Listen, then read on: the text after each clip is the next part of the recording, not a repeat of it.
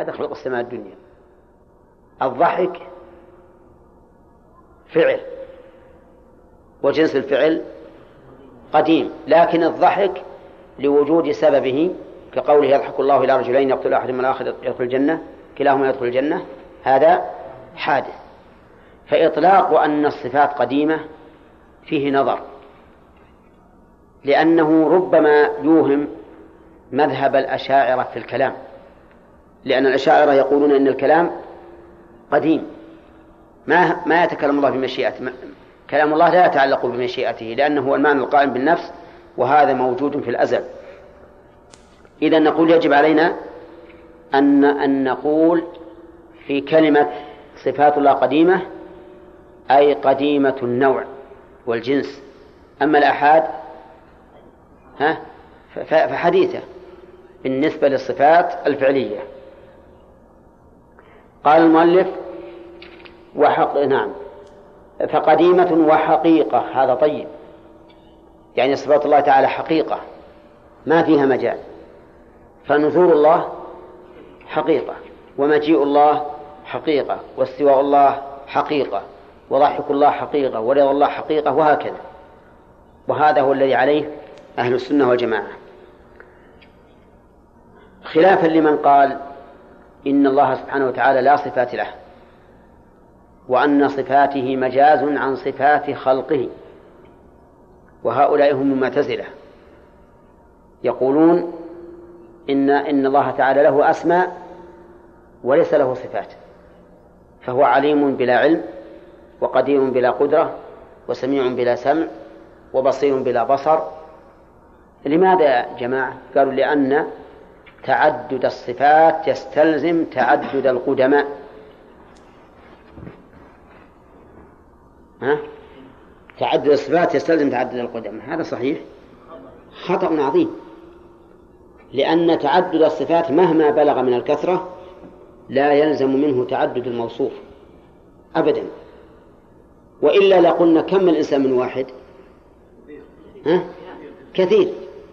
لو قلنا إن الإنسان إذا وصف بالسمع والبصر والكلام والقوة والضعف وما أشبه ذلك إنه أن لو قلنا أنه يتعدد بتعدد هذه الصفات لكان البشر الواحد ها؟ عدة أناس. هم يقولون إن تعدد الصفات يستلزم تعدد القدماء يعني تعدد الآلهة. نقول هذا خطأ مو صحيح. وأنتم بأنفسكم الآن تسمعون وتبصرون وتأكلون وتشربون. ففيكم هذه الصفات. ومع ذلك فالواحد منكم واحد. لا يلبس إلا ثوبا واحدا وجبة واحدة. نعم. و فكيف تقولون إن تعدد الصفات يستلزم تعدد القدم؟ لهذا أنكروا الصفات. والأشاعرة قالوا صفات الله حقيقة في سبع صفات فقط. والباقي مجاز. فالرحمة مجاز عن الإحسان أو عن إرادته والرضا مجاز عن الثواب أو عن إرادته وهكذا. أهل السنة والجماعة يقول كل الصفات إيش؟ حقيقة. قال والمشتق حال وجود الصفة حقيقة وبعد انقضائها مجاز. هذا أيضا يعني معلوم مفهوم لكن أتى به المؤلف للتوضيح. المشتق إذا كانت الصفة لم تزل موجودة فهو حقيقة. وإذا كان باقيا بعد انقضاء الصفة فهو مجاز اليتيم ما دام لم يبلغ فالصفة حقيقة صفة حقيقة لأن اليتم لا زال باقيا فقوله تعالى وابتلوا اليتامى حتى إذا بلغوا النكاح حقيقة ولا مجاز؟ ها؟ سبحان الله. وابتلوا اليتامى حتى إذا بلغوا النكاح. حقيقة. هذه حقيقة. كذا؟ وآتوا اليتامى أموالهم. ولا تتبدلوا الخبيث الطيب. مجاز. لأننا لا نؤتيه ماله ما دام يتيما. بل حتى إذا بلغوا النكاح فادفعوا إليهم أموالهم. فقوله وآتوا اليتامى أموالهم مجاز. طيب. يمكن أن نمثل بهذا على كلام المؤلف المشتق حال وجود الصفة حقيقة. أي الآيتين التي تنطبق على هذا؟ قوله وابتلوا اليتامى حتى إذا بلغوا النكاح. وبعد انقضائها مجاز. الآية وآتوا اليتامى أموالهم فإنهم الآن ليسوا يتامى.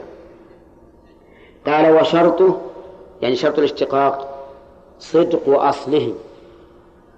شرطه صدق أصله.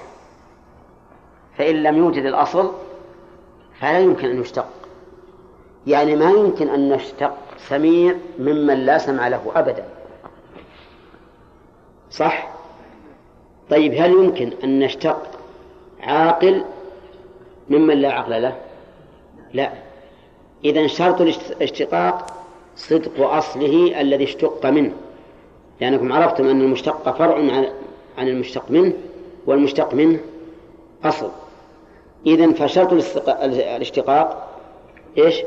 صدق أصله يعني وجود الأصل الذي اشتق منه في نفس الموصوف. فالذين قالوا مثلا إن الله سميع بلا سمع نقول هذا غير ممكن. لأنه لا يمكن أن نصف أحدا بسميع إلا حيث كان له حيث كان له سمع ولا نصف أحدا بعقل بعاقل حتى يكون له عقل حتى يكون له عقل. وعلى هذا فقس. وكل اسم معنى قائم بمحل يجب أن يشتق لمحله منه اسم. صح. هذا عكس اللي ذكر قبل. المشتق لا بد من صدق أصله. إذا وجد أصل فلا بد أن يشتق. من ذلك الأصل اسم فاعل. نعم اسم فاعل. فإذا وجد سمع في شخص وجب أن نشتق منه اسم فاعل ونقول فلان سامع.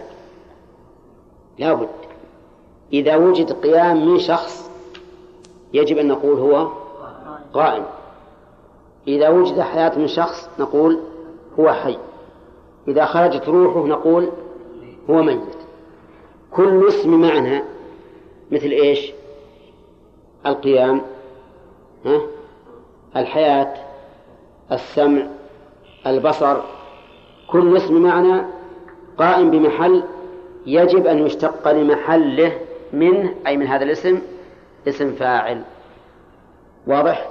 إذا نقول نحن نثبت لله سمعا فيجب أن يكون سميعا. أو سامعا نثبت أن لله قدرة فيجب أن يكون قادرا أو قديرا. وهكذا فهاتان قاعدتان متقابلتان. القاعدة الأولى كل اسم فاعل لا بد أن يكون في محله أصل. لا بد أن يصدق أصله. كل كل معنى قائم بمحل يجب أن يشتق منه اسم لذلك المحل. واضح؟ طيب والله أعلم نعم ها؟ أو نحو أبيض ونحو من ذوي الصفات من كل الألوان كأحمر وأسود يدل على ذات متصفة ببياض لا خصوصيتها به فإذا قلت مثلا اشتريت الثوب الأبيض أو اشتريت ثوبا أبيض ليس معنى ذلك أنه لا يوجد بياض إلا في هذا الثوب. بل هذا الثوب وغيره وإنما نص المؤلف على هذه المسألة مع أنها قد تفهم مما سبق لأن كلمة أبيض اسم تفضيل اسم تفضيل. فقد يقول قائل إن اسم التفضيل لا مشاركة فيه لا مشاركة فيه. لأن اسم التفضيل يدل على الأفضلية المطلقة. فإذا قلنا هذا أبيض فمعناه أنه ما يوجد شيء يشاركه في هذا الوصف الذي هو أبيض. أبيض يعني أعلى شيء في البياض. يقول لا ما يدل على الاختصاص. قد يشاركه غيره قد يشاركه غيره فيكون أبيض. أسود اسم تفضيل. يدل على أن هذا غاية السواد. هل معنى ذلك أن غاية السواد تختص بهذا الذي قلنا إنه أسود؟ لا, لا. قد يشاركه غيره. فالمؤلف نص على هذا لأن هذا الوصف جاء باسم التفضيل. فلا يقول قائل إنك إذا وصفت شيئا باسم تفضيل أنه لا ينطبق على غيره لأن اسم التفضيل يقتضي أن يكون هذا الشيء المعين أعلى شيء. طيب يقول يدل على ذات متصف بياض لا خصوصيتها به. قال والخلق غير المخلوق وهو فعل الرب. قائم به مغاير لصفة القدرة. هذا الكلام أيضا يحتاج إلى تفصيل. نقول الخلق مصدر. خلق يخلق إيش؟ خلقا. قد يراد به الفعل أي أعني فعل الخالق وقد يراد به المفعول لأن المصدر قد يراد به اسم المفعول. كما في قوله صلى الله كما في قوله تعالى وولاة الأحمال أجلهن.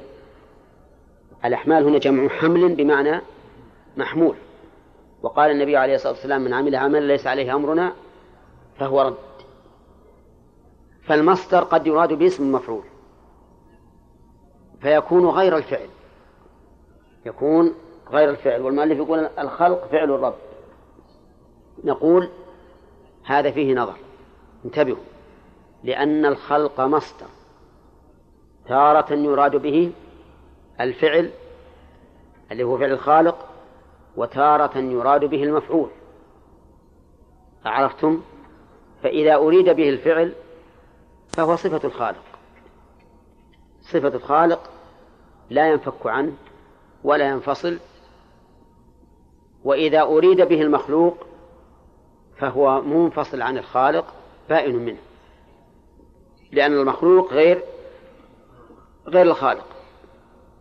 طيب إذا قال قائل أين الدليل على ما قلتم الدليل. أما كون الخلق بمعنى الفعل ففي مثل قوله تعالى إن في خلق السماوات والأرض واختلاف الليل والنهار. لآيات لأولي الألباب. خلق بمعنى مخلوق ولا يراد به الفعل الذي هو الذي فعل الرب؟ ها؟ يراد به فعل الرب. طيب. المخلوق خلق يراد به المخلوق؟ مثل قوله تعالى هذا خلق الله. فأروني ماذا خلق الذين من دونه. هذا خلق الله أي مخلوق. لأن الخلق اللي هو الفعل ما يمكن الإشارة إليه. فالإشارة إذن إلى إيش؟ إلى المخلوق. فتقول مثلا مشيرا إلى الذباب هذا خلق الله فأروني ماذا خلق الذين من دونه؟ هل يخلقون ذبابا؟ ها؟ يا أيها الناس ضرب مثل فاستمعوا له إن الذين تدعون من دون الله لن يخلقوا ذبابا ولو اجتمعوا له وإن يسلبهم الذباب شيئا لا يستنقذوه منه.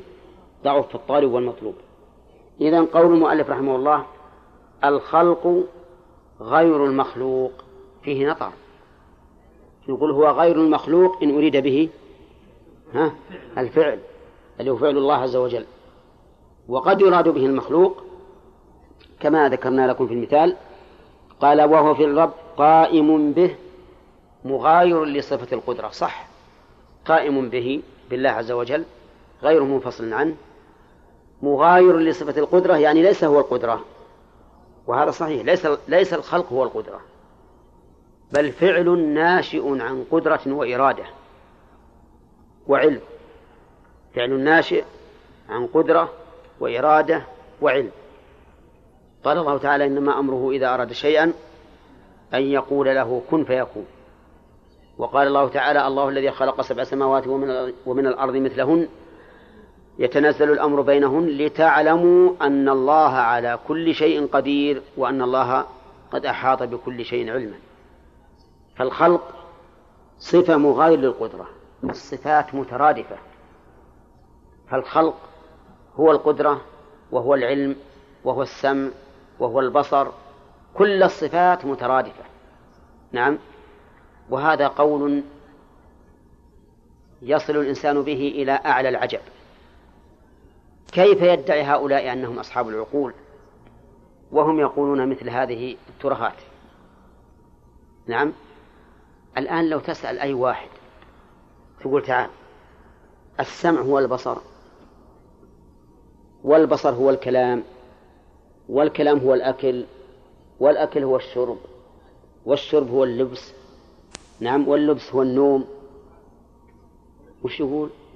يقول يلا عجلوا وحطوه بالمرستان. نعم؟ لا بس يجنن الناس هذا.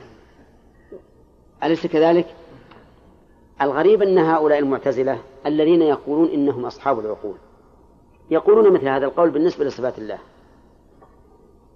حذرا من تعدد الصفات الذي يستلزم على عقولهم تعدد القدماء. نعم؟ وهذا من الغرائب. طيب ثم قال المؤلف فصل. تثبت اللغة قياسا فيما وضع لمعنى دار معه وجودا وعدما كخمر لنبيذ ونحوه. فائدة فائدة نعم. طيب تثبت اللغة قياسا فيما وضع لمعنى دار معه وجودا وعدما كخمر لنبيذ ونحوه. هذه المسألة أيضا مسألة يعني الخلاف فيها شبه من اللفظ أو الكلام فيها فضول من القول. هل إذا ثبت اسم شيء لمعنى من المعاني نقول إنما شاركه في هذا المعنى يسمى باسمه أو لا؟ يقول بعض العلماء إن اللغة لا قياس فيها وأن اللفظ إذا وضع لمعنى ووجد هذا المعنى في شيء آخر فإنه لا يسمى بهذا الاسم. وإن كانت العلة موجودة. ويرى المؤلف خلاف ذلك وأن اللغة تثبت قياسا. فإذا وضع لفظ لشيء أو اسم لمسمى لعلة في هذا المسمى جاز أن يسمى بهذا الاسم ما شاركه في هذا المعنى. مثال ذلك الخمر المعروف أنه من عصير العنب. هذا في اللغة. فهل نعم. فهل إذا وجد الإسكار في غير عصير العنب نقول إنه خمر؟ نعم على الخلاف.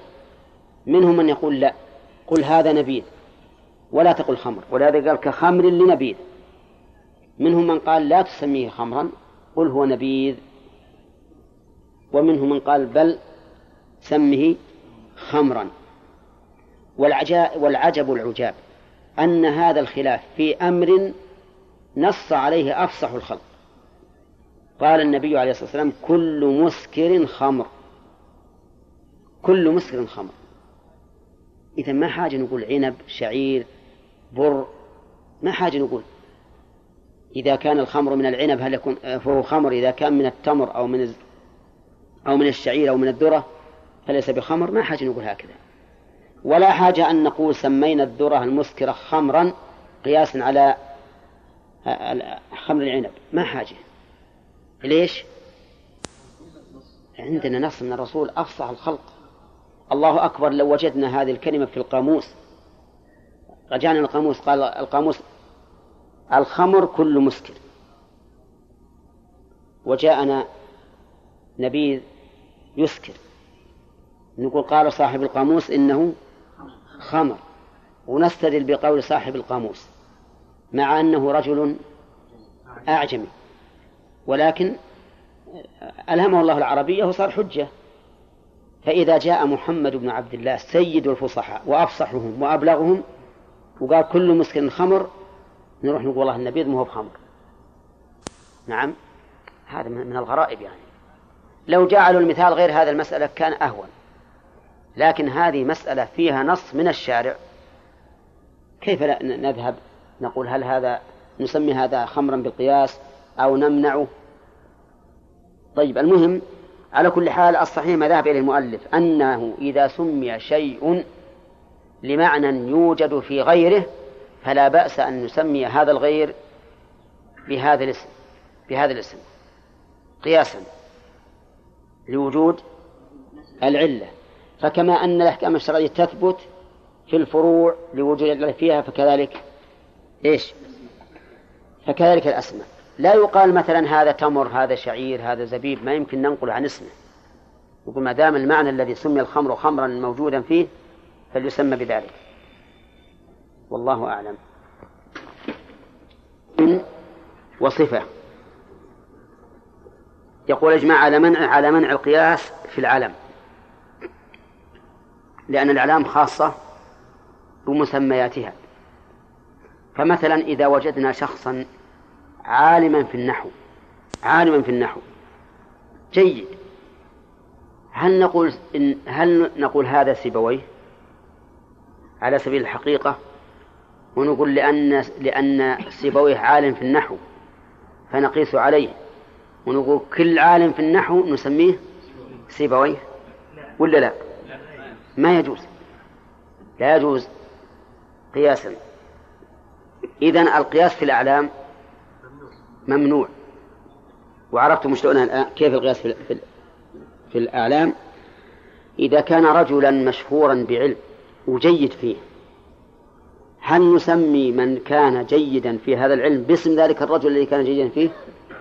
ولا لا؟ ما نسميه. لو رأينا رجلا جيدا في مناقشة أو في مجادلة أهل البدع بالأدلة النقلية والعقلية. هل نسميه ابن تيمية؟ وراه قياس. القياس.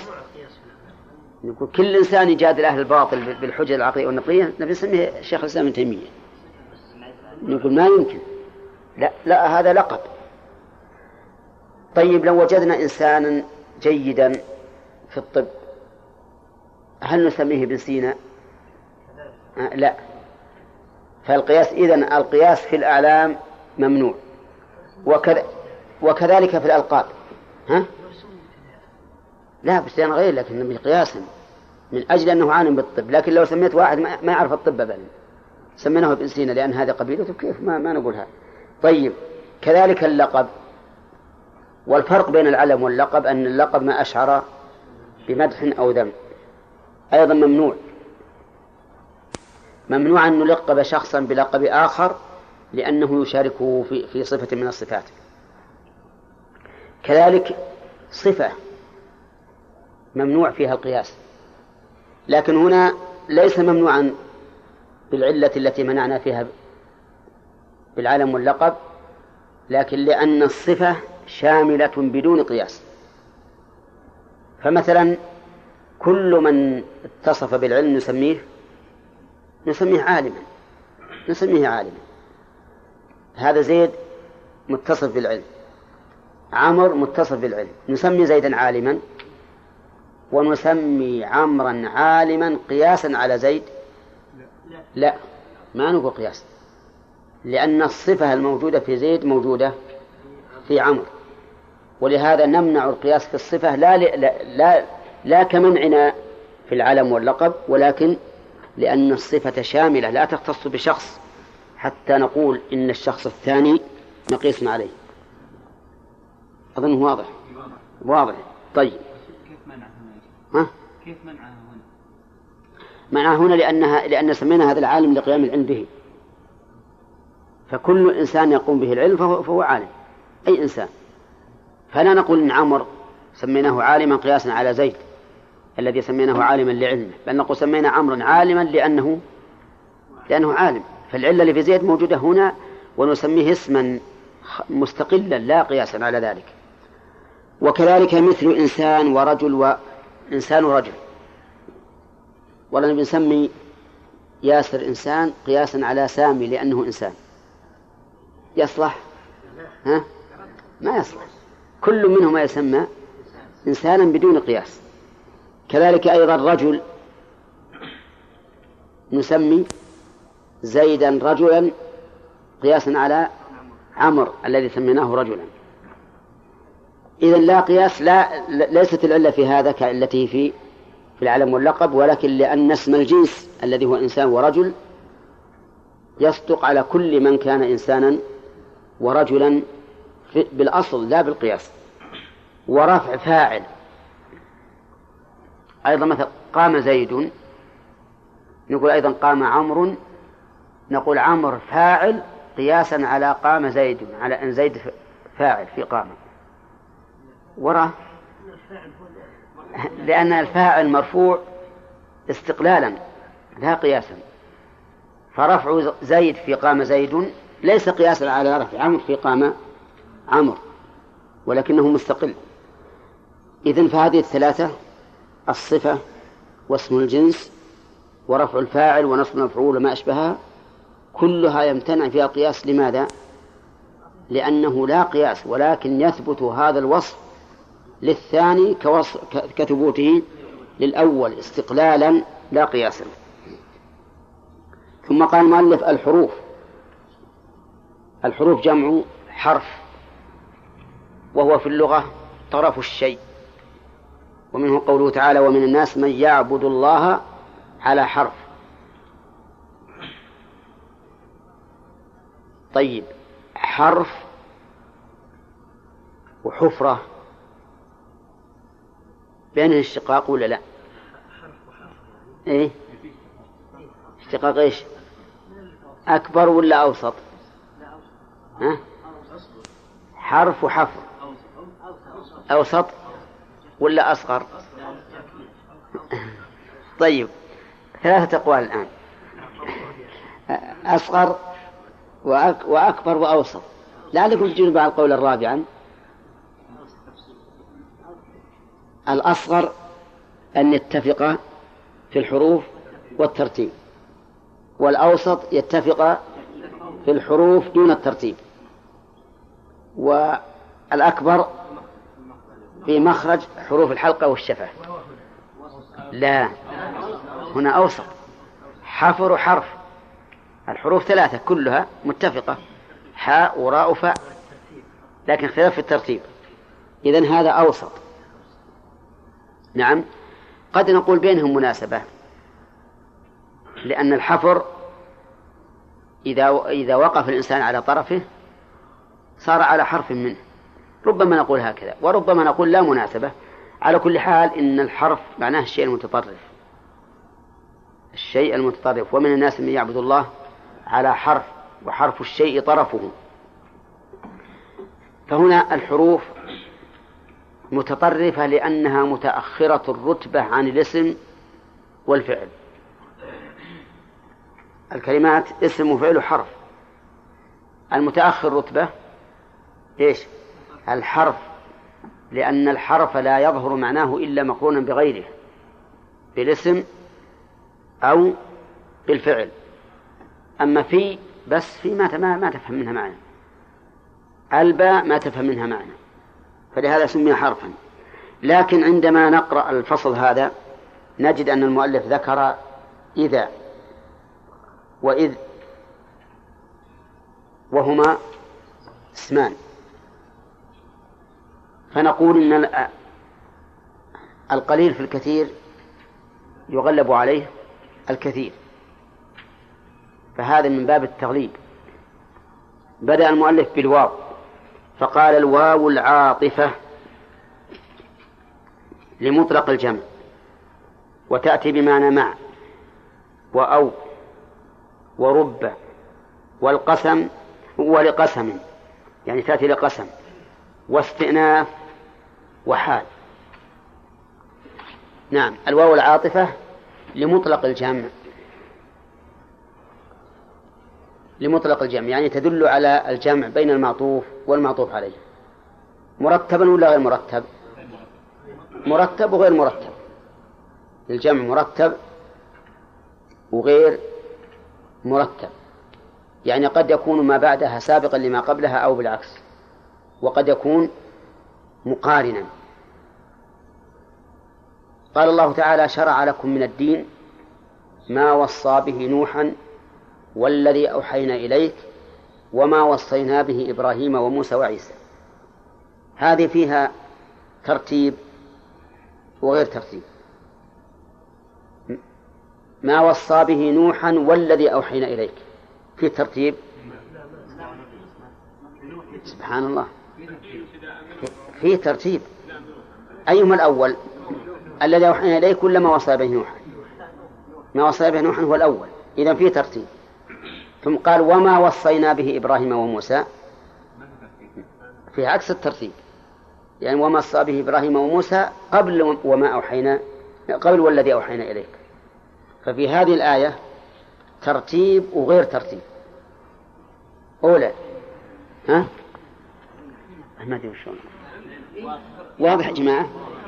شرع لكم من الدين. ما وصى به نوحا والذي أوحينا إليك. مرتب ولا لا؟ أين الأول؟ ما وصى به نوحا. ما تقول نوح لأن ما قال أرسلنا نوحا وأنت.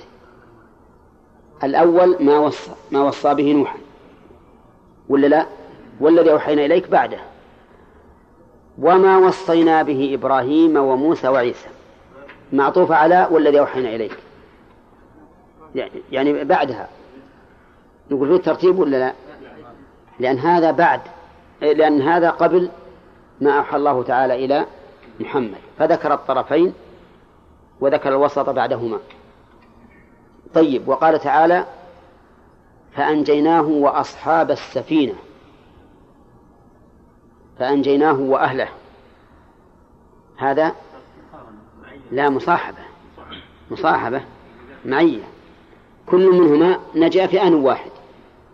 كذا فالواو إذا لمطلق الجمع أي أنها تفيد الجمع بين المعطوف والمعطوف عليه بقطع النظر عن إيش؟ عن الترتيب. يعني قد يكون مرتبا وقد يكون مصاحبا وقد يكون غير مرتب. يقول وتأتي بمعنى مع. سرت والنيل. هذه واو يسمونها واو المعية بمعنى مع. وتأتي بمعنى أو للتنويع. ومنه قوله تعالى فانكحوا ما طاب لكم من النساء مثنى وثلاث ورباع. يعني مثنى أو ثلاث أو رباع. وقال تعالى جاعل الملائكة جاعل الملائكة رسلا أولي أجنحة ها مثنى وثلاث ورباع. طيب وتأتي بمعنى رب كقول الشاعر وليل كموج البحر أرخى سدوله. علي بأنواع الهموم ليبتلي وليل يعني ورب ليل. رب ليل كموج البحر. وتأتي للاستئناف. نعم وتأتي لقسم. وهذا كثير. مثل والليل إذا يغشى والعصر والشمس وضحاها كثير جدا. وتأتي للاستئناف كقوله تعالى ثم قضى أجلا وأجل مسمى عنده. الواو هنا للاستئناف أجل مبتدأ غير معطوفة على أجل مسمى اللي قبلها. طيب وتأتي أيضا للحال. زرت زرتك والشمس طالعة. هذه للحال. تأتي هذه حالية.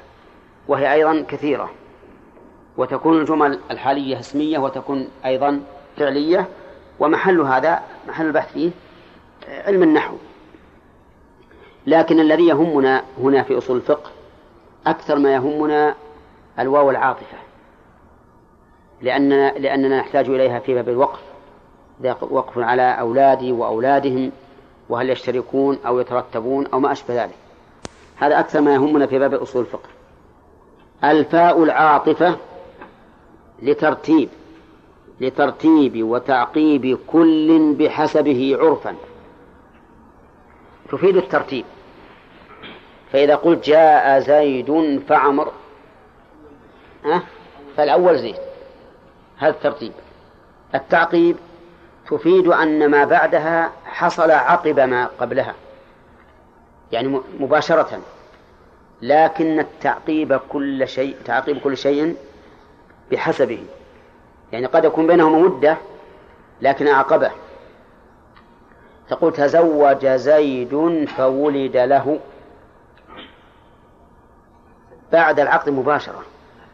ها؟ ها؟ لا يمكن يقعد سنة. كذا؟ لكن المعنى أنها نشأت في الحمل من حين ما دخل عليها. هذا المعنى. لكن لو تزوج وبقى عشر سنين وجاه ولد ما تقول تزوج فولد له. ما يصلح. ليش؟ لأن هذا لم لم يعقب العقد. الولادة الآن لم تعقب العقد. انتبه. فعندنا رجل أن تزوج. تزوج أحدهما في واحد محرم وولدت امرأته في واحد لا في واحد ذي القعدة عشرة أشهر في واحد شوال في واحد شوال كم؟ ها؟ لا تسعة أشهر تسعة أشهر يصح هذا ولا لا؟ يصح أن أقول تزوج فولد له لأنه لم يكن بين زواجه وبين الولادة, الولادة له إلا مقدار فترة الحمل طيب. تزوج في ليلة واحد محرم وولدت زوجته في ليلة واحد محرم 1409 ولدت زوجته في واحد محرم 1115 نعم. كيف؟ 1409 تزوج في 1409 واحد محرم. ثم ولد في 1415 ها؟ نقول تزوج فولد له؟ ما نقول فولد له. نقول ثم ولد له. ثم ولد له. أو نقيد فنقول فولد له بعد ست سنوات. صح؟ قيدنا زال الإشكال. الله لا... آه نعم. ألم ترى أن الله أنزل من السماء ماء فتصبح الأرض مخضرة؟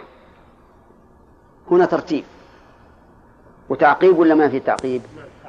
فيه تعقيب. لكن هل الأرض تخضر في صباح يوم المطر؟ ها؟ لا.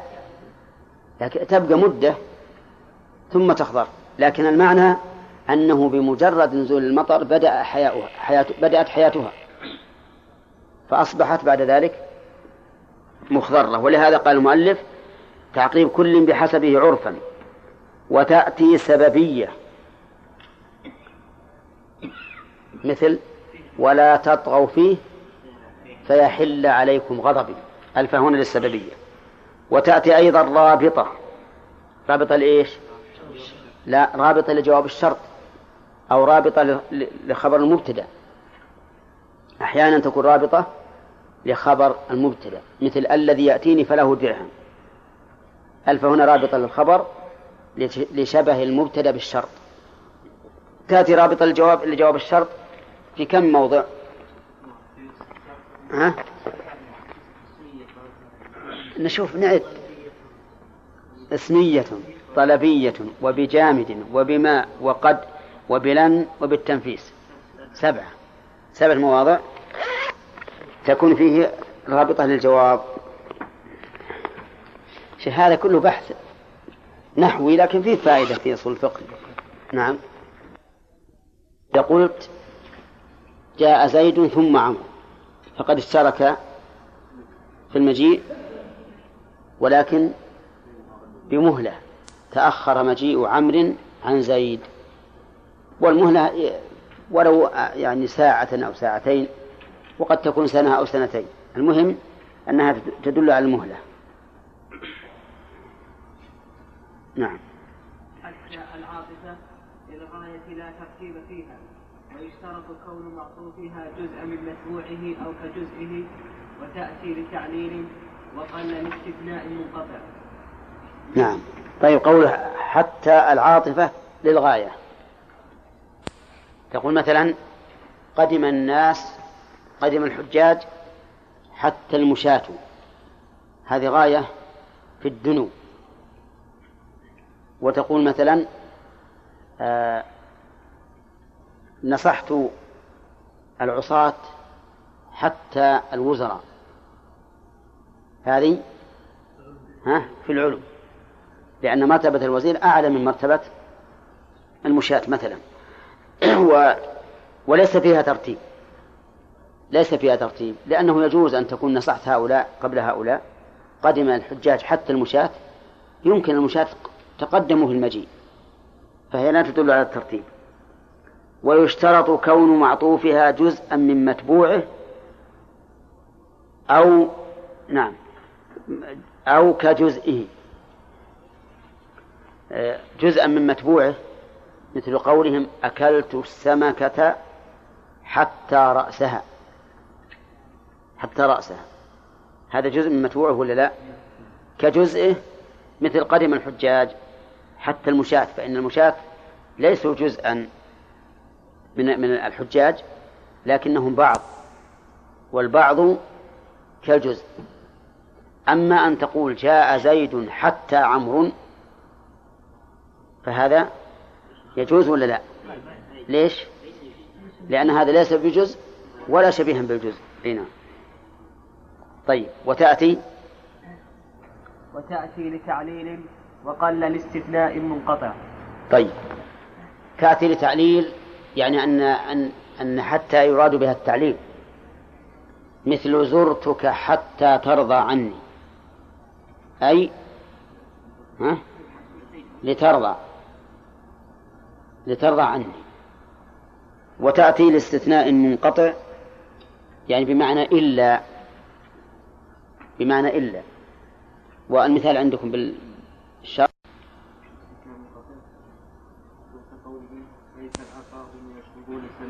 نعم. ليس العطاء من الفضول سماحة. حتى تجود وما لديك قليل. يعني إلا أن تجود والذي عندك قليل. أما الإنسان اللي عنده مال كثير فإن عطاءه لا يدل على السماحة. وعلى كل حال هذا قول الشاعر وإلا فإن العطاء يدل على السماحة لكن عطاء من عنده القليل أدل على السماحة من من عطاء من من, من, من ماله كثير نعم ها؟ نعم ما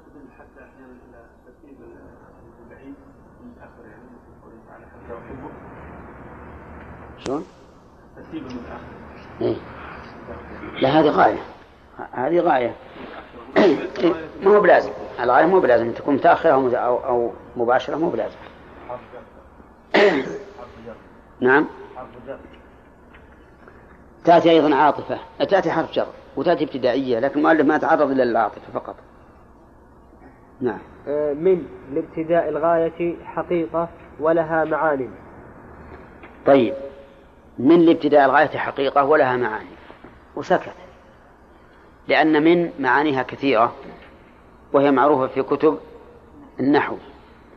لابتداء الغاية تقول مثلا سرت من مكة إلى المدينة. فإلى المدينة غاية وابتداؤها منين؟ من مكة. صمت من الفجر إلى الغروب.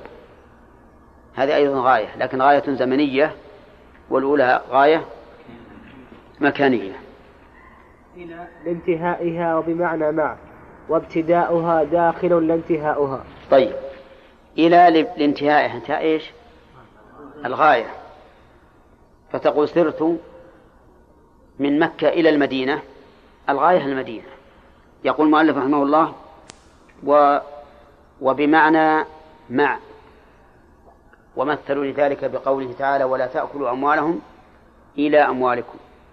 وبقوله تعالى فاصلوا أيديكم إلى المرافق وأيديكم إلى المرافق. قالوا إلى بمعنى مع. ثم تعرض المؤلف إلى مسألة وهي ابتداء الغاية وانتهاؤها. هل هما داخلان أو خارجان أو يفرق بين الابتداء والانتهاء؟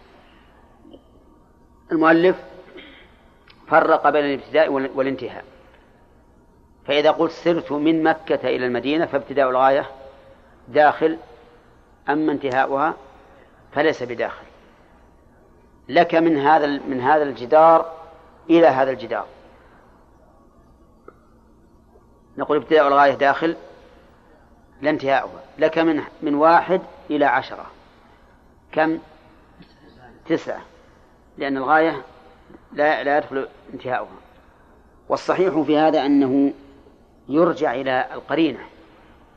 فإن الإنسان إذا قال سرت من مكة إلى المدينة لا أحد يشك أن الرجل دخل المدينة. وليس المعنى أنه وقف على حدودها. وإذا قال لك من هذا الجدار إلى هذا الجدار فإن الناس لا يشكون بأن ما بأن الجدار في الأول غير داخل وفي الثاني غير داخل أيضا. فالمسألة ترجع إلى القرينة. أما إذا لم يكن قرينة فقد نقول إن المتبادر أن ابتداء الغاية وانتهاءه كلاهما غير داخل. وقد نقول إن المتبادر أنهما داخلان. فقول الناس مثلا لك من درهم إلى عشرة. أما من درهم الدرهم الأول لا شك أنه داخل لأن لأن المعروف أنه إذا قيل إلى عشرة فالابتداء منين؟ من الواحد. هو معروف من الأصل. لكن بقينا بالعشرة. هل يدخل العاشر أو لا يدخل؟ يرجع في ذلك إلى القرائن والعرف. والظاهر لي أن العرف إذا قيل لك من درهم لي عندي لك من الريال إلى عشرة. أن العشرة داخلة. نعم. على على للاستعلاء وهي للإيجاب ولها معان. على الاستعلاء يعني تدل على العلو. فإذا قلت أنا على السطح فالمعنى أنني فوقه فوق السطح. قال وهي للإيجاب. لكن هل هي صريحة أو ظاهرة؟ الصريح الصحيح أنها ظاهرة. فإذا قلت عليك أن تصلي ركعتين فمعنى ذلك أن أن ركعتين ها واجبتان. ولكن بعض العلماء يقول لا ليست صريحة إنما يقال ظاهرها الوجوب. ظاهرها الوجوب وليست بصريحة وهذا هو الأصح. لأنه قد يقال بعليك ركعتان يعني عليك من السنة ركعتان حسب القرينة. نعم. ولها معان يعني دورها فكر بالنحو في لظرف وهي بمعناه على قول في على قول في. على قول في ولا أصلبنكم في جذوع النخل وتأتي للاستعلاء وتعليل وسببية ومصاحبة وتوكيد وتعويض وبمعنى الباء وإلى ومن. غريب طول بمعنى في. في للظرف وهذا هو الأصل أن في للظرفية. قال ابن مالك والظرفية تستبن بباء وفي وقد يبينان السبب.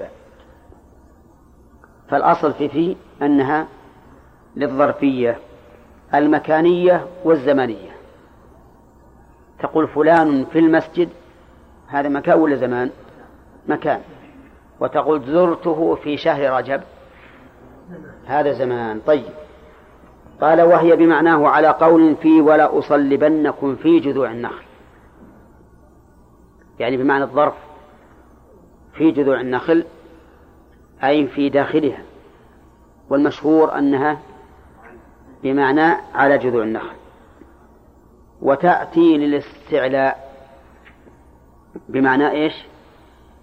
بمعنى على وتأتي أيضا للتعليل وتأتي سببية وتأتي للمصاحبة وتأتي للتوكيد وتأتي و... وإيش؟ وتعويض. وبمعنى الباء وإلى ومن. نحتاج إلى الأمثلة هذه كلها في الشرح. تقرأ علينا خالد. وتأتي للاستعلاء وتقدم تنفيذه. قوله ولا, ولا أصلبنكم في جذوع النخل. طيب. ذكر في الحاكم زين. وتعليل كقوله نحو قوله تعالى فذلكن الذي لمتنني فيه أي لأجله. طيب وهذا قد يناقش فيها. لمتنني فيه يعني وضعتن الملامة فيه علي فتكون للظرفية المعنوية. ويجوز أن تكون لمتنن فيه أي عليه أي عليه. تقول لامه على كذا. ويجوز أيضا ويحتمل ما قال المؤلف. أي نعم. هو لمسكم فيما أفضتم فيه عذاب عظيم. أيهن؟ آه. تعليل. لكن أي الفائدة أي في؟ لأن هذه جاءت مرتين في الآية. لمسكم فيما أفضتم فيه عذاب عظيم. الأولى. يعني لمسكم بسبب ما أفضتم فيه عذاب عظيم. طيب. وسببية في قوله صلى الله عليه وسلم في النفس المؤمنة مئة. ودخلت امرأة النار في هرة. نعم. يعني بسبب هرة. قوله دخلت النار امرأة في هرة. أي بسببها. والسبب قد يطلق عليه علة. هنا. طيب. مصاحبة؟ ومصاحبة نحو قوله تعالى فخرج على قومه في زينته. إي هذه يقول هذه فيها نظر. لأن في زينته تحتمل الظرفية أقوى من كونها للمصاحبة. لأنه إن كان المراد بالزينة لباسه فواضح أن الظرفية فيه. لأن الإنسان في ها في جوف لباسه. وإن كان في زينته أي في حاشيته وماله وخدمه فهو أيضا يكون بينهم وتكون في للظرفية. إي نعم. وكقوله تعالى ادخلوا في أمم قد خلت. أي قال ادخلوا قال ادخلوا في أمم. أي مع أمم. نعم. وتوكيد نحو قوله تعالى وقال اركبوا فيها. يعني لأن لأنه لو قال اركبوها نعم. استقام الكلام فهي للتوكيد. ولكن كأن المؤلف يقول لأن لأن ركبت تتعدى بنفسها والخيل والبغال والحميرة لتركبوها. ولكن يقال إن قوله في السفينة اركبوا فيها لأن الركوب في السفينة لا يكون على ظهرها بل يكون في داخلها في جوفها. فتكون على هذا ليش؟ للظرفية وليست زائدة نعم وتعويض كقوله رغبت في من رغبت أي فيه كيف؟ كقوله رغبت في من رغبت أي فيه رغبت في من رغبت فيه ها؟ أي المثل بعتك هذا في عشرة دراهم. بعتك هذا في عشرة دراهم. لكان التعويض فيها أوضح مما مثل. لأن فيه هنا بمعنى ألبع فهي للعوض. إي نعم. وبمعنى الباء كقوله تعالى يدرأكم فيه. يدرأكم فيه يعني بمعنى به والضرب بمعنى النشر والبث. وإلى؟ وإلى كقوله تعالى فردوا أيديهم في أفواههم. هذه أيضا فيها نظر. لأن الصحيح في مثل هذا التركيب أن نسلك مسلك التضمين. لأن ردوا أيديهم إلى أفواههم إلى أفواههم صحيح هذا معنى من هذا المعنى. لكن ردوا أيديهم في أفواههم بمعنى أدخلوا أيديهم في أفواههم أبلغ. لأن المكذبين للرسل ما أخذوا اليد وحطها على الهم هكذا كأن من شدة يعني ردها إلى الأفواه أدخلوها في أفواههم. من شدة الحنق والغيظ لئلا يتكلموا بما جاءوا به. فالصحيح في مثل هذا التركيب أن نجعل أن نجعل هذا من باب التضمين وتكون فيه على بابها على الظرفية. نعم. ومن قول امرئ القيس وهل يعمن من كان أحدث عهده ثلاثين شهرا في ثلاثة أحوال إيه. ثلاثين شهرا في ثلاثة أحوال؟ لأن لو جعلنا فيه للضرب لكان كم؟ ثلاثين في ثلاثة؟ تسعين. ولكن يقول ثلاثين شهرا من ثلاثة أحوال. كم ثلاثة الأحوال؟ بالشهور؟ ست وثلاثين شهرا. وهذا ثلاثين شهر من ثلاثة الأحوال. إي نعم.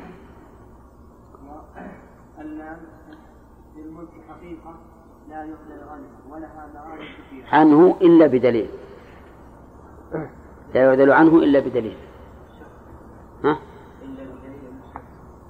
لا عندنا أصل. وعندكم لا يعدل عنها ولا عنه؟ عنه نعم. أقول واضح هذه تأتي للملك وتأتي للاختصاص وتأتي للتعليل. يعني لها لها معاني كثيرة. اللام. ها؟ هي ارجعوا له مجال اللي ما عندنا بالمتن ما إحنا راح نتكلم عليه. إي نعم. آه، بل لعطف وإضراب إن وليها مفرد في إثبات فتعطى حكم ما قبلها لما تعطي بعد تعطي فتعطي حكم ما قبلها لما بعدها ونفي فتقرر ما قبلها وضده لما بعدها وقبل جملة؟ وقبل جملة لابتداء وإضراب لإبطال أو انتقال. نعم. بل للعطف والإضراب إن وليها مفرد في إثبات فتعطي حكم ما قبلها لما بعدها. تقول جاء زيد بل عمرو. من الذي جاء الآن في هذا المثال؟ عمرو. وزيد مسكوت عنه. ولهذا قال تعطي حكم ما قبلها لما بعدها وأما ما قبلها فيكون في هذا المثال مسكوتا عنه ونفي يعني وتكون أيضا الإضراب في النفي لا إن وليها مفرد في نفي فتقرر ما قبلها وضده لما بعدها. ما جاء زيد بل عمرو. إذا قررت أن زيدا ها لم يأتي وأثبتت ضده وهو المجيء لمن؟ لعمرو واضح. يقول و وقبل جملة الابتداء وإضراب لإبطال أو انتقال. قال الله تعالى بل ادارك علمهم في الآخرة. نقول هذه إيش؟ للابتداء. يعني ادارك فعل بل هم في شك منها. هذا للإضراب. الإبطالي أو الانتقالي؟ ها؟ الانتقالي. جعلنا هذا من باب التدرج في أحوالهم. بل هم منها عمون كذلك للانتقال وإن, وإن كان المعنى إنهم ادارك علمهم في الآخرة بل بعد علمهم في الآخرة بل هم في شك منها وأنها أبطل الأول وأثبت الثاني صارت صارت آه للإبطال. وهي كثيرة في القرآن الكريم وغيره. نعم. أو لشك وإبهام وإباحة وتقدير ومطلق جمع وتقسيم وبمعنى إلى وإلا وإضراب كبل. كثر يعني أو أو للشك. تقول جاء زيد أو عمر إذا كنت شاكا وتطلب التعيين. وتقول هل جاء زيد أو عمر؟ تطلب التعيين وتكون آه، للإبهام. للإبهام في المثال الأول ذكرنا كذلك من اللي جاء هل هو زيد ولا عمرو فقلت جاء زيد أو عمرو أبهمت عليه الأمر. طيب وتكون أيضا لإباحة لإباحة وتغيير وتخيير. فرقوا بينهما بأن الإباحة أن تكون في شيئين يمكن الجمع بينهما والتخيير أن تكون في شيئين لا يمكن الجمع بينهما. فتقول كل لحما أو خبزا. هذه لإباحة لا لإباحة. يعني كذا كلهم ما في مانع. تزوج هندا أو أختها. للتخيير. لماذا؟ لا يمكن الجمع بينهما. هنا كذلك يقول ومطلق جمع. مطلق جمع يعني فتكون بمعنى بمعنى الواو. كما أن الواو سبق أنها تأتي بمعنى أو. مثاله في الشرح. أي. طيب أرسلناه إلى مائة ألف أو يزيدون. هذا هذا أحد القولين في الآية. يعني أن المعنى أرسلناه إلى مائة ألف ويزيدون. نعم. والقول الثاني أن أو هنا للتقرير أي تقرير ما مضى. كأنه قال أرسلناه إلى مائة ألف إن لم يزيدوا على مائة ألف لم ينقصوا. واتفقوا على أنها هنا ليست للشك. لماذا؟ لأنه لا يقع الشك في كلام الله عز وجل. الله عالم بكل شيء. فهي إما نعم. إما بمعنى بمعنى بل يعني بل يزيدون وإما بمعنى التقرير. بمعنى التقرير. يعني أنه إن لم ينقصوا إن لم يزيدوا ما نقصوا. نعم. بمعنى الواو. والثاني بمعنى بل والثالث للتقرير. التقرير. إي نعم. ها؟ كيف؟ مطلق جمع. ما وصل للتقسيم التقسيم تقول الكلام اسم أو فعل أو حرف. التقسيم. نعم. إيه ما بقى نكمل هذه أو بمعنى إلى وإن بمعنى إلى أو تأتي بمعنى إلى مثل لألزمنك أو تقضين دين. يعني إلا أن تقضين دين. نعم أو لا نعم أو لأسجننك ها أو تقضين ديني حتى أيضا بمعنى إلى. لأقتلن الكافر أو يسلم. يعني إلا أن يسلم. طيب. لا. كيف القتل ما يمتد؟ يعني السجن والملازمة تمتد. تقول لألزمنك أو تقضيني يعني إلى أن تقضيني. لأسجننك إلى أن تقضيني. لكن لأقتلنك إلى ما يستقيم. القتل إذا قتله مرة واحدة.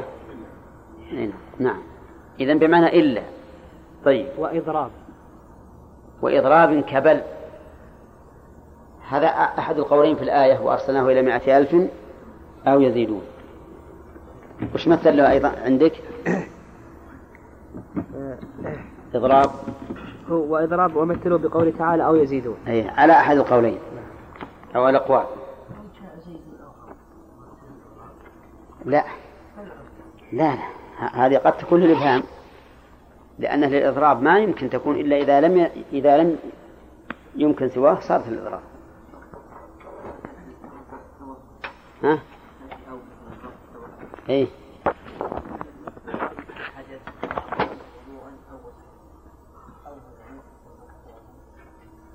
لا هذا التنوير.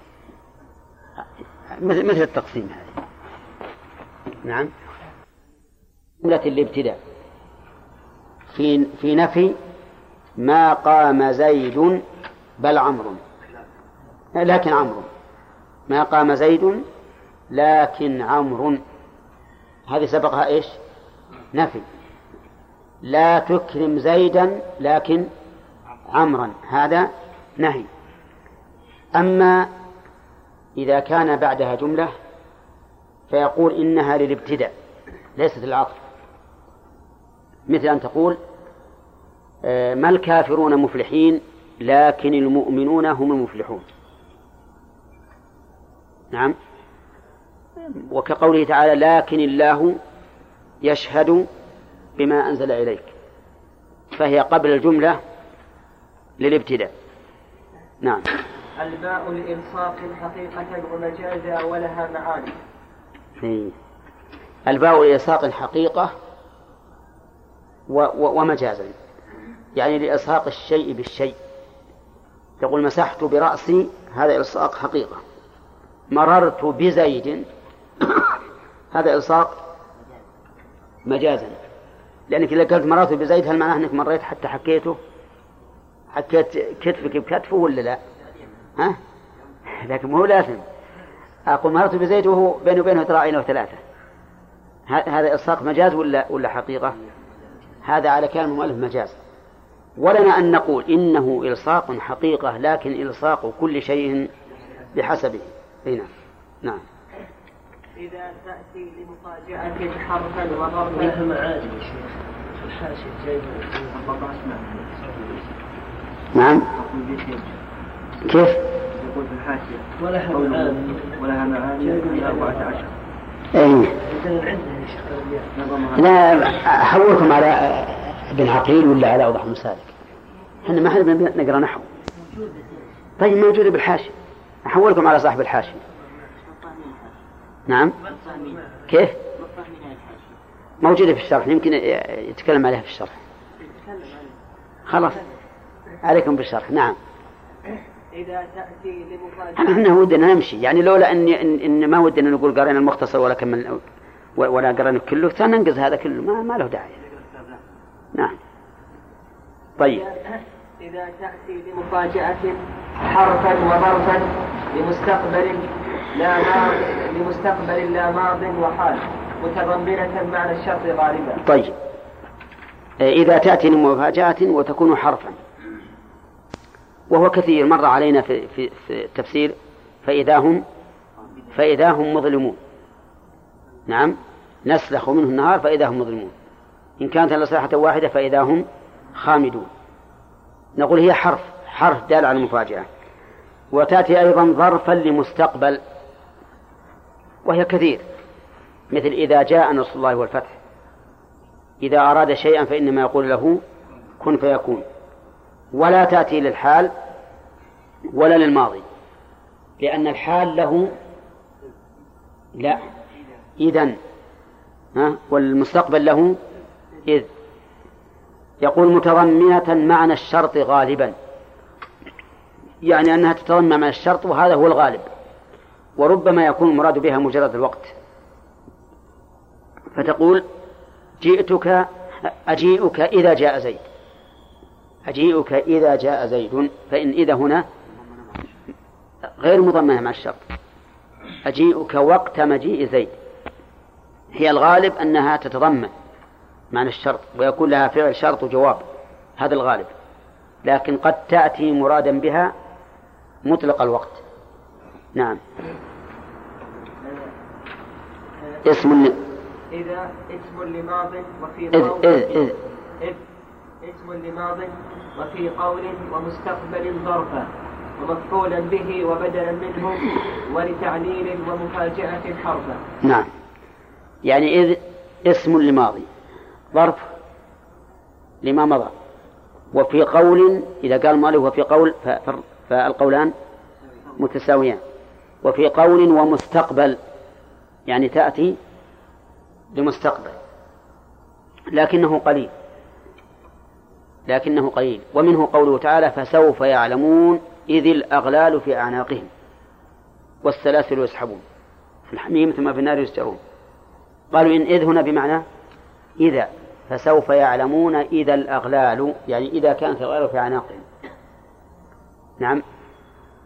طيب وتأتي أيضا ظرفا. تأتي ظرفا. وتأتي مفعولا به. ودائما وإذ قال إبراهيم وإذ قال ربك مفعول به. يعني اذكر هذا. طيب وتأتي بدلا منه أي بدلا من المفعول به. بدلا من المفعول به. فيذكر المفعول به أولا ثم يأتي ب... ثم يؤتى بإذ بدلا منه. فتقول مثلا اذكر زيدا إذ قال اذكر زيدا إذ قال كذا وكذا. فتكون بدلا من المفعول به. و... ولتعليل ومفاجأة حرفا. يعني وتأتي للتعليل فتكون حرفا. وتأتي للمفاجأة أيضا فتكون حرفا. مثالها للتعليل أن تقول أكرمت زيدا إذ أكرمني أي لأنه أكرمني. أما المفاجأة ما ذكر لها مثال عندك في الشرح؟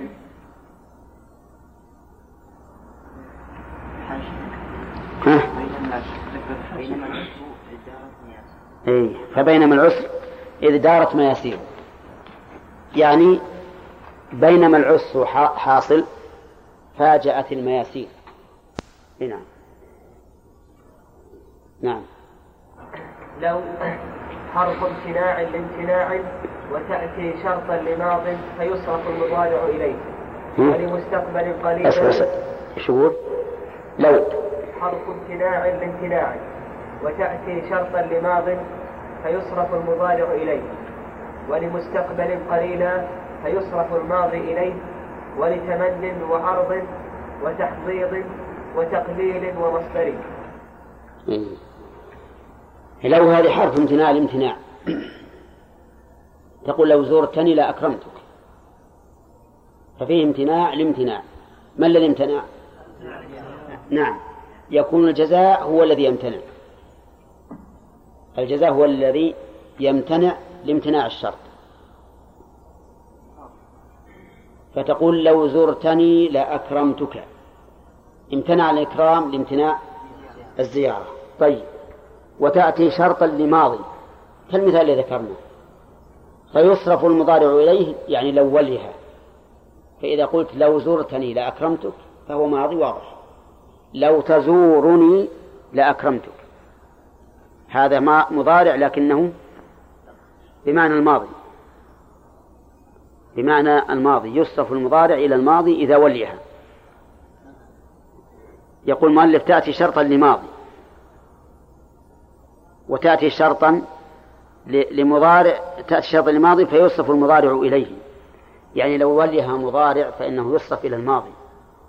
فإذا قلت لو تزورني لأكرمتك صار كقولك لو زرتني لأكرمتك والاستقبال هنا ليس من الفعل ولكنه من الشرط لأن الشرط يحول الماضي إلى مستقبل. قال ولمستقبل قليلا فيصرف الماضي إليه المثال عندكم؟ ها؟ شلون؟ شلون؟ وما أنت بمؤمن لنا ولو كنا صادقين. هكذا عندك يا خالد؟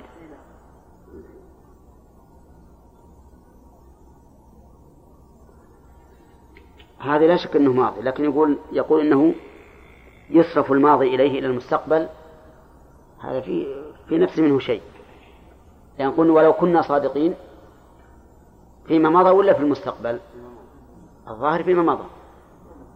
السلام على نبينا محمد. أو حنا نقرأ أظن بدون شرح. عدتنا تعليق بس. أي طيب. يقول المؤلف ولتمن يعني تأتي للتمني. مثل قوله تعالى لو أن لنا كرة فنكون من المؤمنين. لو يتمنون أن لهم كرة ولكن لا يحصل هذا. لعرض مثل أن تقول لو تأتنا اليوم. نعم. لا لا ما قلت نكرمك تعرض عليه أنه يأتي. التحضير هو العرض بشدة. هو العرض بشدة و وتقليل. أولم ولو بشاة. ومصدري ودوا لو تدهنوا فيدهنون نعم يعني ودوا أن تدهنوا. أما لولا فيقول حرف يقتضي في جملة اسمية في جملة اسمية امتناع جوابه لوجود شرطه. والله لولا الله ما اهتدينا. يقول في جملة اسمية هذه جملة اسمية ها؟ لولا الله ما اهتدينا. وش الذي امتنع لوجود؟ امتنع انتفاء اهتدائنا ها لوجود لوجود الله عز وجل.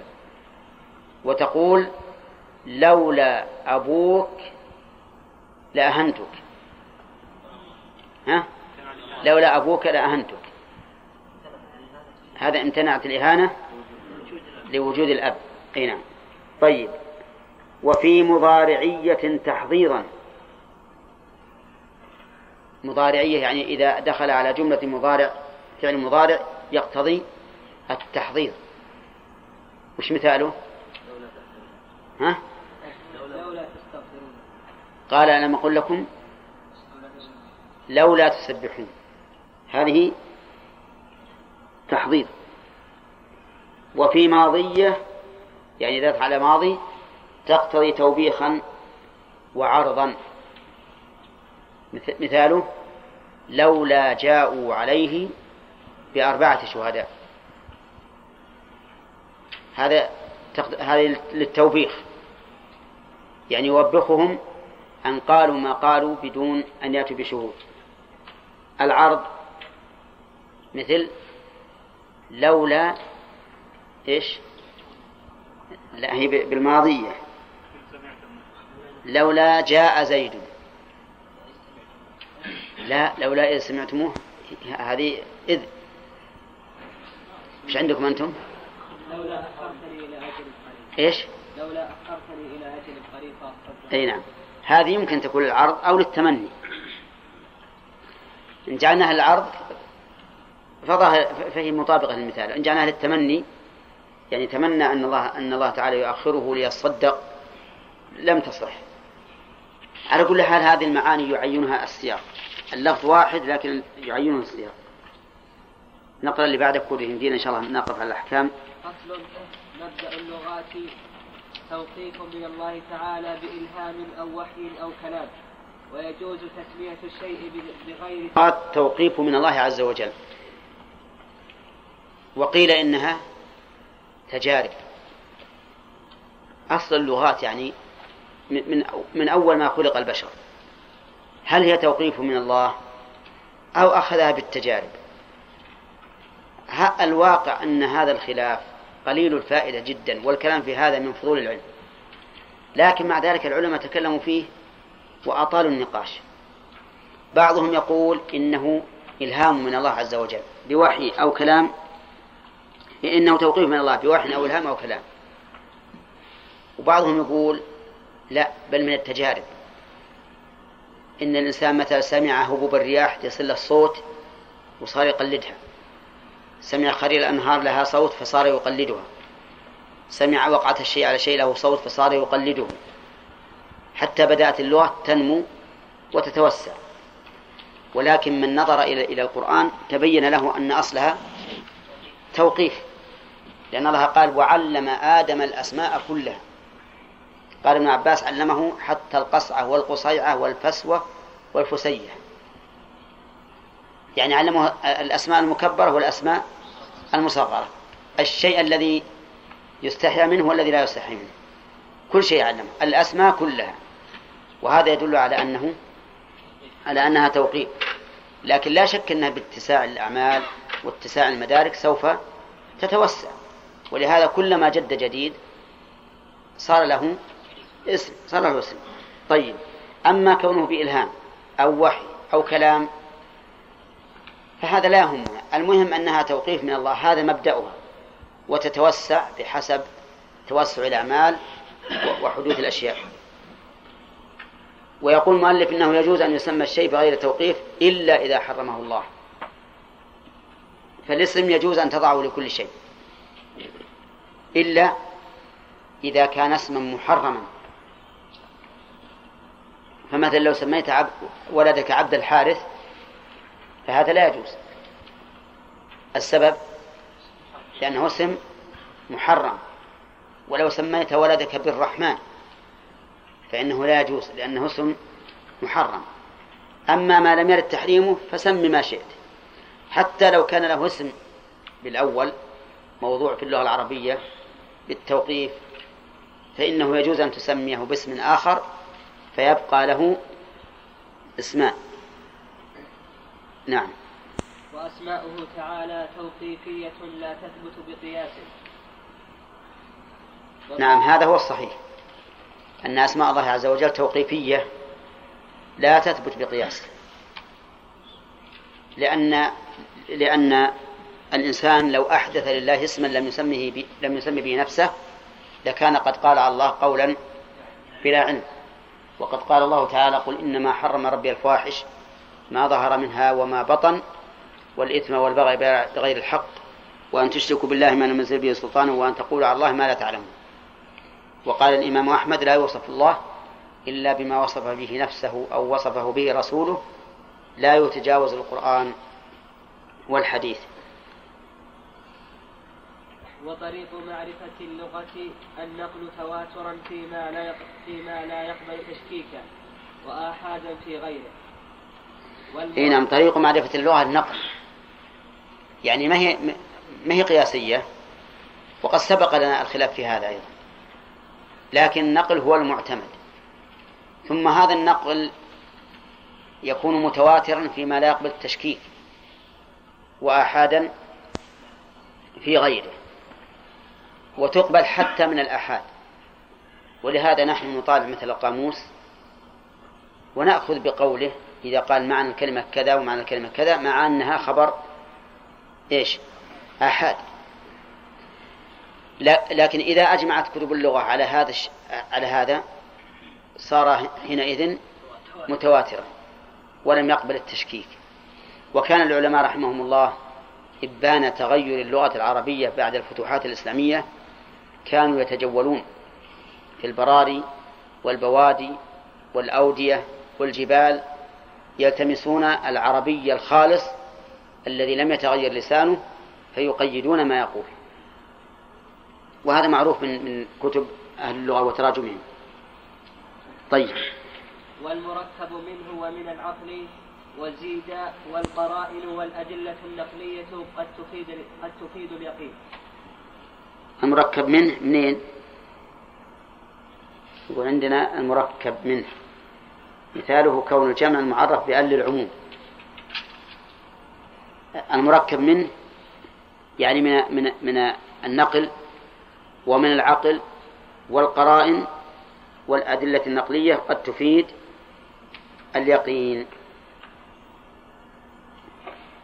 لو تقرأ الشرع علينا في هذا.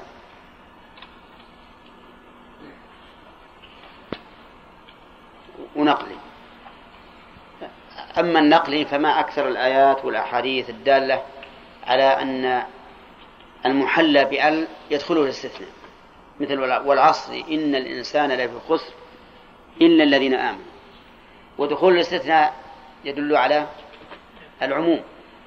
إذ لولا العموم لصار الاستثناء لغوا. فلولا العموم ما صح الاستثناء. ينتج من هذا قاعدة. أن المعرف بأل يفيد العموم. طيب بعد وزيد والقرائن لا بل بالشرح الشرح إذا قرن الشيء بالشيء.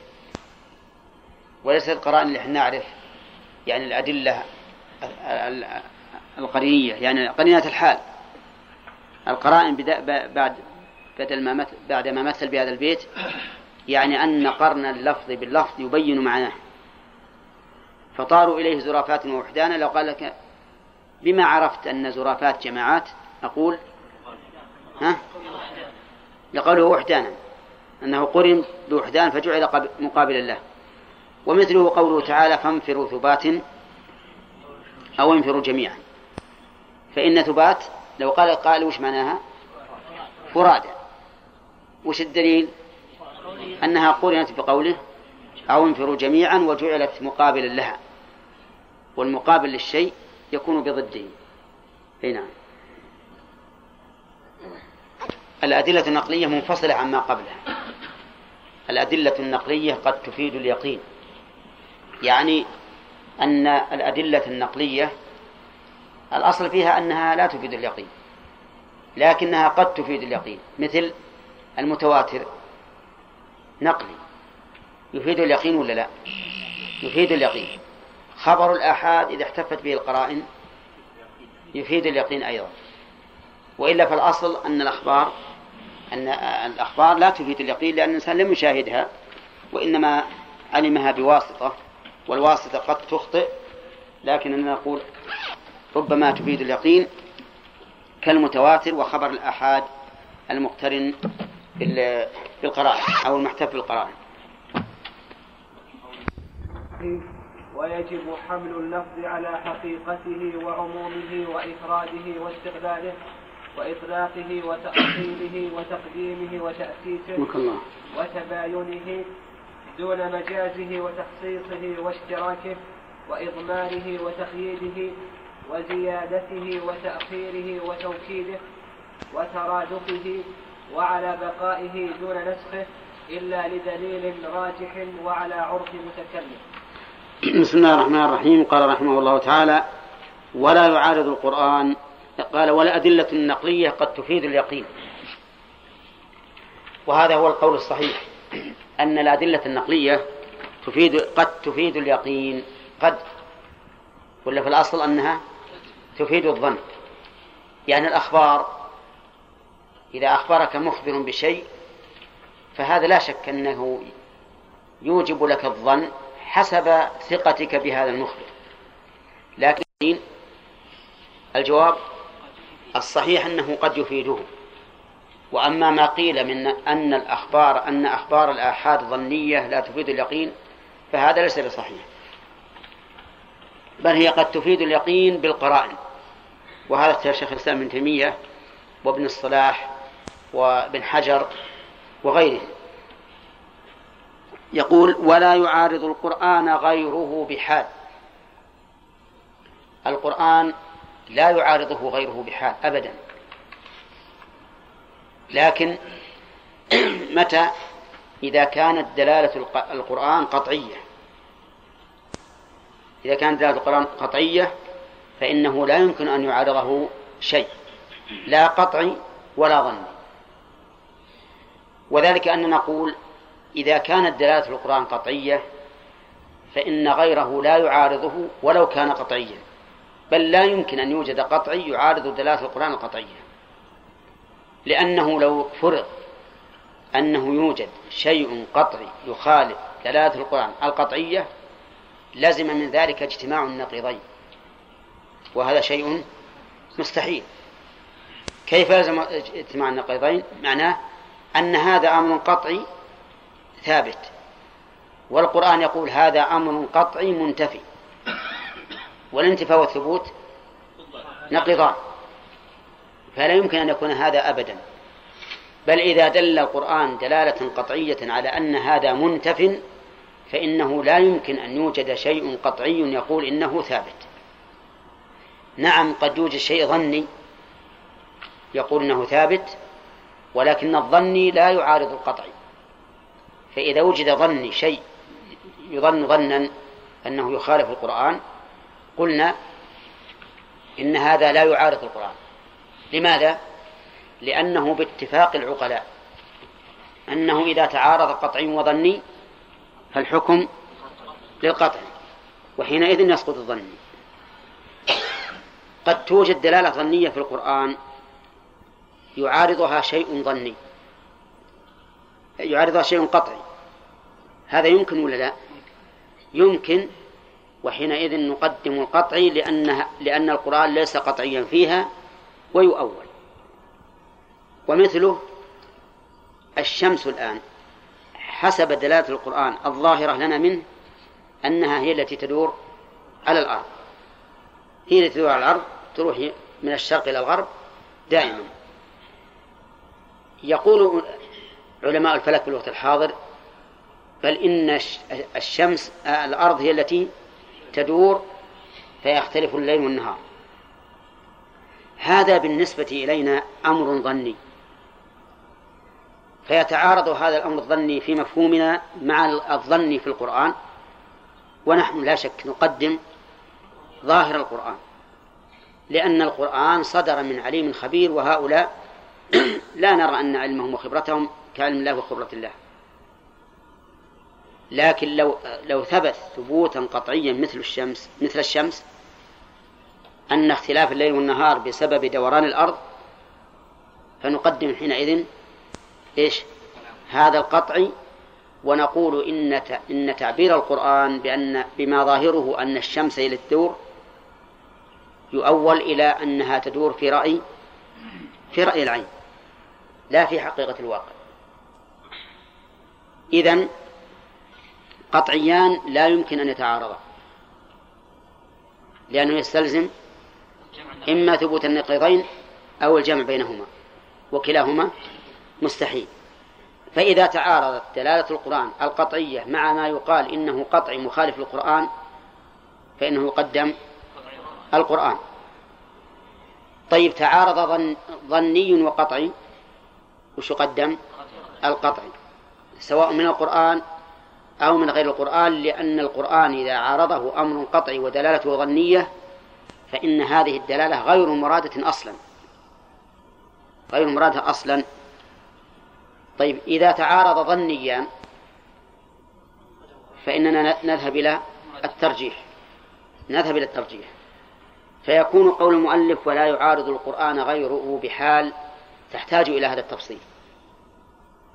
تحتاج هذا التفصيل. التفصيل إذا كانت دلالة القرآن قطعية وغير القرآن يظن أنه قطعي فهو إما أن لا يكون قطعيا وإما أن لا يكون معارضا.